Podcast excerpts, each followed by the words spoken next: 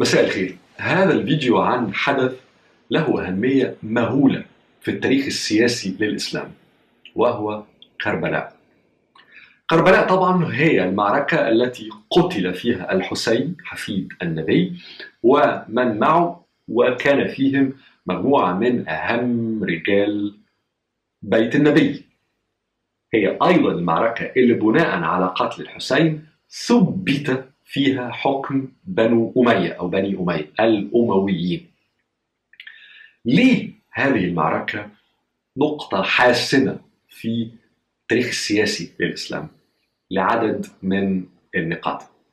واحد إنه قبل كربلاء أي خليفة جاء منذ أبو بكر الصديق ثم عمر بن الخطاب عثمان بن عفان علي بن أبي طالب حتى معاوية بن أبي سفيان وبرغم المشاكل والحروب أحيانا ما بين علي ومعاوية مثلا بالرغم من كل ده كان دائما دايما فكره تسمية خليفة معين دائما قائمة على الاتفاق ما بين الطبقة السياسية اللي هي برضو الطبقة الدينية العليا في المجتمع الإسلامي على شخص الخليفة.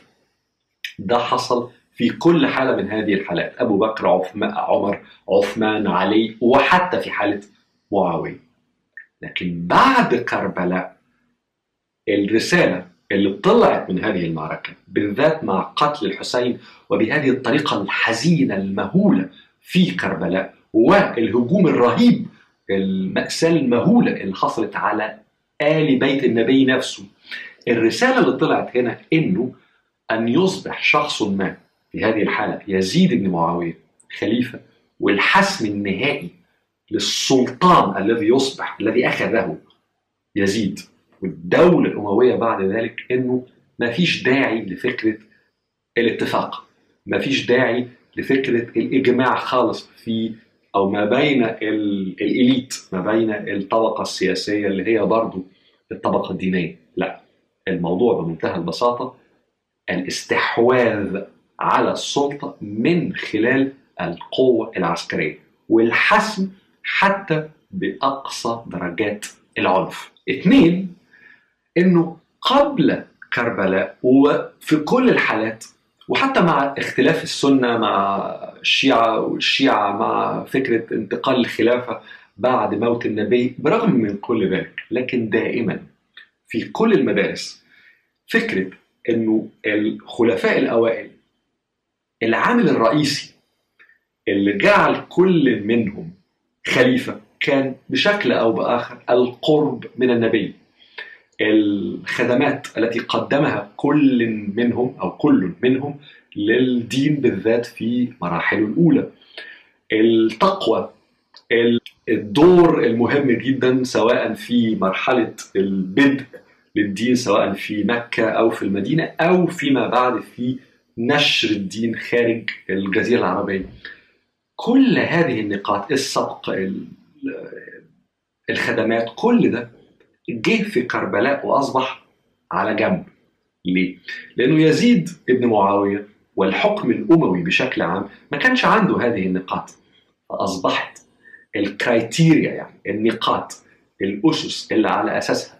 يصبح شخص ما خليفة مش بالضرورة أي من هذه النقاط أصبحت مرة أخرى هي القدرة على الحصول على أدوات السلطة واستخدام هذه الأدوات للحصول على السلطة أو لتثبيتها.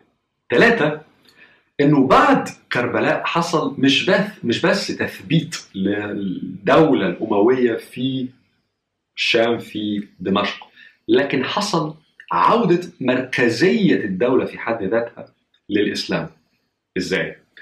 إنه في المرحلة الأولى للتاريخ الإسلامي بعد دخول النبي للمدينة ثم وفاة النبي لكن خلافة أبو بكر ثم عمر ثم ثم عثمان الدولة الإسلامية ثابتة لها مركز محدد وهو المدينة المنورة اللي منه تم تثبيت الإسلام في الجزيرة العربية من خلال حروب الردة. ثم منه خرجت الجيوش الإسلامية في الأول ناحية شرق العراق وفارس إيران النهارده ثم غربا الشاطئ الشرقي للبحر الأبيض المتوسط ثم مصر. لكن مرة تانية في نقطة مركز المدينة المنورة. اللي حصل في أواخر عهد عثمان بن عفان وفي عهد علي بن أبي طالب بدت تظهر مراكز سياسية أخرى. أهم هذه المراكز كانت في شرق العراق وده مهم لأنه شرق العراق كان فيها قوة عسكرية جيوش إسلامية تمركزت هناك وأيضا في ناحية الشام بالذات في سوريا لأنه معاوية بن أبي سفيان بداية الحكم الأموي كان والي على سوريا لمدة تقريبا 20 سنة فعمل منطقة نفوذ حتى مصر. لأنها وقتها أغنى الولايات في الدولة الإسلامية أو الإمبراطورية الإسلامية اللي بدأت تظهر. فبرضه برضه بدأ يظهر فيها منطقة نفوذ طيلة الفترة اللي هي مرة ثانية نهاية حكم عثمان بن عفان طيلة حكم علي بن أبي طالب وإلى حد ما بداية ومرحلة حكم معاوية بن أبي سفيان في هذه المراكز مش متصارعة لكن موجودة. زي ما بيقولوا بالإنجليزي في دايليوشن في تخفيف لقدرة المركز أو حتى وجود المركز. بعد كربلاء وهذه الضربة المهولة التي وجهت لبيت النبي والقوى العسكرية الموجودة في شرق العراق وحتى طبعا في الجزيرة العربية المركز بقى موجود. لكن هذه المرة انتقل من الجزيرة ومن شرق العراق إلى دمشق إلى سوريا ترتب على ده نقطة أخرى إنه مش بس رجعت مركزية الدولة لكن بالإضافة إلى ده اتغير فكرة الطبقة الحاكمة أو الإليت علية القوم السياسية ليه؟ لأنه في الجزيرة العربية أو حتى في العراق في شرق العراق كانت الناس اللي ليها نفوذ وأهل الرأي والمحيطين بالخلفاء سواء أبو بكر عمر عثمان علي. كانوا الناس اللي هم أهل السبق في الدين اللي هم الناس الذين قدموا خدمات مهمة قوي في نشر الإسلام في تثبيت الإسلام في الجزيرة أو فيما بعد في الفتوحات. لكن كل ده اتغير عندما انتقلت الدولة الإسلامية إلى الشام إلى دمشق. ليه؟ مرة تانية لأنه النهاردة أصبحت هناك خلافة قائمة على عائلة على حكم عائلة واحدة. هذه العائلة عملت بلاط عملت نوع جديد من الخلافة نوع جديد من الحكم. أهل الرأي أهل النفوذ في هذا المكان دمشق وقتها ما كانوش إطلاقا. الناس اللي كانوا موجودين في الجزيرة العربية في المدينة أو حول علي في العراق أو حتى فيما بعد حول الحسين في العراق. لا كانوا مجموعات أخرى موجودة حول البيت الأموي في دمشق. وهنا النفوذ بقى مرتبط بقرب الناس من البلاط بلاط الملك بلاط الخلافة حول بنو أمية اللي هم كانوا بيحكموا دمشق. 20 سنة وطبيعي لما تحكم مكان لمدة 20 سنة بتبني حواليك دوائر نفوذ فهنا اتغير مش بس هيكل الخلافة مش بس شرعية الخلافة مش بس مكان الخلافة لكن كمان دوائر النفوذ حول الخليفة اتغيرت. ترتب على ده كمان إنه اختلف الاقتصاد السياسي لو حبيت للدولة. إزاي؟ إنه طيلة المرحلة أو الفترة اللي كانت فيها مركزية الدولة في المدينة أبو بكر عمر عثمان وحتى في المرحلة اللي كانت فيها الخلافة خلافة علي بن أبي طالب. ما فيش فيها مركزية قوي لكن موجودة في العراق. إلى حد كبير قوي كانت الفكرة الاقتصادية. للدولة الإسلامية وقتها قائمة على ما يعرف بالخراج اللي هو بمنتهى البساطة ممكن تفكر فيه من ناحية مالية إنه الدولة المركزية بتشوف كل إقليم فارس أجزاء من العراق الجزء الغربي من العراق شمال الشام جنوب الشام مصر ممكن يقدم قد إيه فلوس مال إلى المركز. وده إلى حد ما مرتبط بالفكر التجاري للمجموعات الأولى في الدولة الإسلامية. هم لما عندما لم يكونوا محاربين كانوا تجار. فدائما الفكرة هي قد إيه فلوس ممكن تطلع من هذا الإقليم عشان تدخل خزينة الدولة المركزية. لكن لما انتقلت الدولة وتغيرت هياكل الدولة في الشام تحت الحكم الأموي اتغيرت الفكرة الاقتصادية. ليه؟ لأن الحكم الأموي في الشام ودوائر النفوذ اللي حواليها دائما كانت بتستقي أفكارها بتاخد أفكارها من طبيعة الاقتصاد الموجود في الشام وهذا اقتصاد قائم على الزراعة قائم طبعا على التجارة بس مش بس تجارة القوافل اللي العرب كانوا يعرفوها على مدى عقود وقرون لا لكن فيها أيضا التجارة البحرية بحكم الساحل الشرقي للبحر الأبيض المتوسط. فيها أنواع من الصناعة فيها أنواع كتير من الحرف. فاللي بحاول أقوله إنه الانتقال السياسي والتغير في أسلوب التفكير في الخلافة. الانتقال الجغرافي خلى النظام الاقتصادي للخلافة اللي بدأ يظهر تحت الأمويين في الشام يبص لكل إقليم ويحاول يقول إيه الطبيعة الاقتصادية لمصر لشمال الشام لجنوب الشام للجزيرة لشرق العراق لغرب العراق لمعرفش فين. ده ترتب عليه إنه نوعية الولاة الولاة الحكام يعني. اللي بيطلعوا من الدولة المركزية اللي هي دلوقتي في الشام ذاهبة لكل واحدة من هذه الأقاليم اتغير. نوعية السياسة الاقتصادية اتغيرت. نوعية الخراج اتغيرت. فكرة أنا هاخد قد إيه من هذا الإقليم اتغيرت بقت أكتر. إزاي ممكن إن أنا أطور هذا الإقليم اقتصاديا لفايدة الدولة بشكل عام؟ ده كان تغير مهول ومهم جدا في تطور الدولة الإسلامية وبداية ظهور الإمبراطورية الإسلامية فيما بعد. في تغير ديموغرافي حتى أو اجتماعي حصل في هذه اللحظة وهو أنه في الثلاثين أربعين سنة قبل كربلاء وقبل ترسيخ الحكم الأموي في الشام كان إلى حد بعيد already خلاص يعني بدت جماعات أو مجموعات كبيرة جدا تخرج من الجزيرة العربية ذاهبة إلى إيران إلى شرق العراق غرب شمال سوريا مصر. وهذه المجموعات كانت الجيوش التي فتحت دخلت استولت على هذه الأماكن. وقعدت فيها طبيعي الناس كثيرة جدا من هذه الجيوش. ما دخلتش ثم رجعت تاني لا دخلت واستوطنت هذه الأماكن. لكن في العشرين 30 40 سنة من بداية الخروج العربي من الجزيرة إلى كربلاء إلى بداية الحكم القوي للأمويين كانت أغلب هذه الجيوش بعيد عن المجتمعات. يعني لما تبص مثلا للمدن أو المدن الصغيرة اللي أنشئت عشان هذه الجيوش تقعد فيها دائما هذه المدن على حافة المجتمعات اللي كانت موجودة أصلا في هذه الأقاليم. ده كان ظاهر جدا سواء في العراق أو في مصر وإلى حد ما حتى في الشام.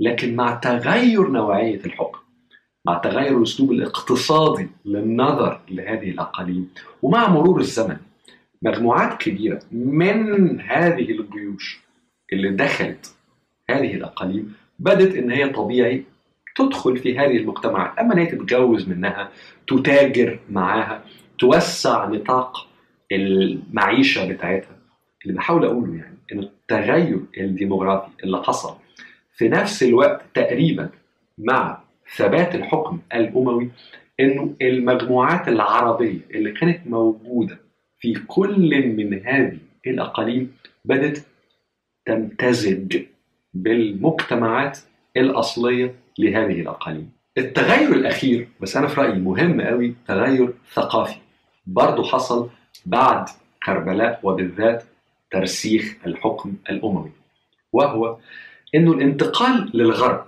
يعني الانتقال من مركزية الدولة من الجزيرة العربية ومن شرق العراق إلى الساحل الشرقي للبحر الأبيض المتوسط الشام وبالذات دمشق عمل تغير مهول في أسلوب الفكر وفي الثقافة ليه؟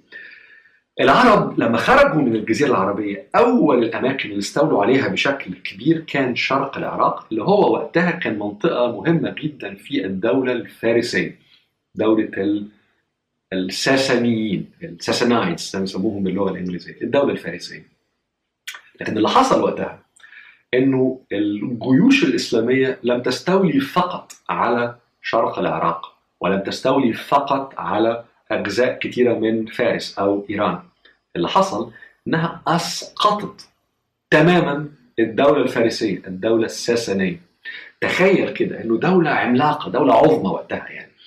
ده تاريخ مهول وعندها ثقافة رهيبة وعندها إليت ناس علية القوم قوي على مدى قرون.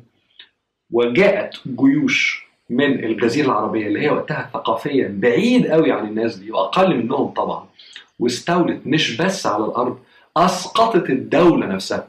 حصل شوك حصل ذهول ذهول في الدولة الفارسية أو المجتمع الفارسي. الدولة نفسها سقطت الإمبراطورية الفارسية انهارت. لكن مش بس حصل ذهول في الثقافة الفارسية وقتها مجموعات من أهم المفكرين الطبقة العليا في الدولة الساسانية الدولة الفارسية هاجرت من فارس من شرق العراق وأغلبهم راح على الهند ودي قصة مثيرة في الحقيقة.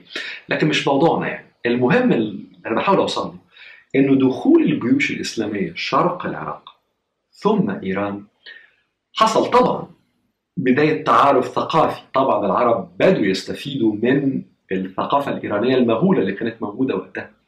لكن مش immediately مش مش على طول مرت فترة على الأقل 15 20 ممكن تقول كمان 30 سنة كان فيها بعد ما بين الفاتحين الجيوش العربية التي دخلت وما بين المجتمع نفسه وبالذات الطبقة العليا الإيرانية أو الفارسية اللي كانت موجودة قبل الفتح العربي ليه؟ مرة تانية لأن هذه الطبقة عندها حالة ذهول من سقوط الدولة الفارسية نفسها.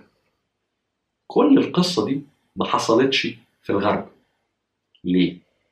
لما الجيوش الإسلامية دخلت شرق البحر الأبيض المتوسط الشام وما تحتها ثم مصر الدولة البيزنطية الدولة الرومانية الشرقية اللي هي كانت تحكم تتحكم في هذه الأراضي لم تسقط. هي فقدت هذه الأراضي صحيح لكن الدولة نفسها التي التي كانت عاصمتها بيزنطة يعني اللي هي النهارده إسطنبول القسطنطينية أنا آسف لم تسقط خسرت هذه الأراضي. حقيقي الطبقة الحاكمة من الرومان اللي كانوا في شرق البحر الأبيض المتوسط أو في مصر خرجوا رجعوا تاني أراضيهم لكن المجتمع نفسه ما تغيرش. ما حصلش هجرات كبيرة منه. بالإضافة إلى ذلك أنه الطبقة البيروقراطية الناس اللي كانت تشتغل في الدواوين البيزنطية سواء في الشام أو في مصر فضلوا موجودين. ما حصلش هذا الشوك ما حصلش هذا الذهول اللي حصل في شرق العراق وفي فارس مع دخول الجيوش العربية الإسلامية. معنى ده إنه التلاقي الثقافي الفكري والاستفادة العربية مما كان موجودا من قبل. في الشام وفي مصر حصل أسرع قوي قوي من ما حصل في شرق العراق وفي فارس أو في إيران. نتيجة ده إنه لما الدولة الأموية ظهرت بعد ظهرت بقوة وثبتت نفسها بوضوح جدا بعد كربلاء بعد النجاح السياسي للأمويين في تثبيت حكمهم استفادتهم من البيروقراطية من أسلوب العمل من حتى الوجود الثقافي الكبير للبيزنطيين في شرق البحر الأبيض المتوسط وحتى في شمال إفريقيا بالذات في مصر كان سريع قوي ده خلى تطور الدولة الأموية أسرع كتير قوي من الفترة اللي كانت موجود فيها حكم إسلامي قبل ذلك ناحية الشرق أو في الجزيرة العربية. كل هذه النقط مع بعض بدايات مفاتيح. تخلينا نتصور ليه الدولة الأموية بينظر إليها برغم كل المشاكل اللي فيها على أنها بداية الدولة الإسلامية اللي أعطت الإمبراطورية الإسلامية فيما بعد واللي هي أسست كيان دولة حقيقي المشكلة بقى إنه كل ده كويس قوي لكن المشكلة هي النقطة الأولانية إنه كربلاء مش مجرد نصر عسكري للأمويين كربلاء مش مجرد موت وقتل الحسين بهذا الأسلوب المهول واللي فيه دموية وفيه لحظة حزن مهولة. في التاريخ الإسلامي لكن بالإضافة لده ما مثله الحسين وآل بيت النبي وقبليه طبعا علي بن أبي طالب كان قوة اندفاع معينة في الفكرة الإسلامية اللي هي فكرة القرب من الرسول من النبي السبق في الإسلام التقوى الخدمات التي قدمت في بداية الدعوة الإسلامية في نشر الدين كل ده مثله فكريا مثله ممكن تقول حتى روحيا. الاندفاع الأولى اللي كانت موجودة في فكرة الخلافة الراشدة أو لا شك في فكرة خلافة علي بن أبي طالب ومن ثم في الحسين. قتل الحسين. ومن معه من آل بيت النبي. خلى هذه الاندفاع تتوقف. لا شك تبتعد جدا عن الدولة الإسلامية التي ظهرت تحت الأمويين. هنا حصل separation زي ما بيقولوا حصل نقطة افتراق ما بين الأسس اللي عليها قامت الإمبراطورية الإسلامية. أنا حاولت أن أنا أشرح هذه الأسس وقوة الدفع الأولى الروحية بالذات أو الفكرية على الأقل اللي كانت موجودة في السياسة الإسلامية قبل ذلك. نقطة الافتراق دي أنا في رأيي من أهم النقط اللي تستحق التفكير في السياسة في تاريخ الدولة الإسلامية بالذات لأنه بعد ذلك كل تقريبا الأفكار السياسية التي حكمت بشكل كبير وعملت أو كملت الإمبراطورية الإسلامية فيما بعد كانت مرتبطة بالأسس اللي أنا حاولت أتكلم عليها اللي ظهرت في بدايات الحكم الأموي بالذات لما ترسخ بعد كربلاء لكنها مرة تانية كانت فيها افتراقة كبيرة قوي عن الاندفاع الفكرية والروحية اللي كانت موجودة قبل ذلك في الإسلام.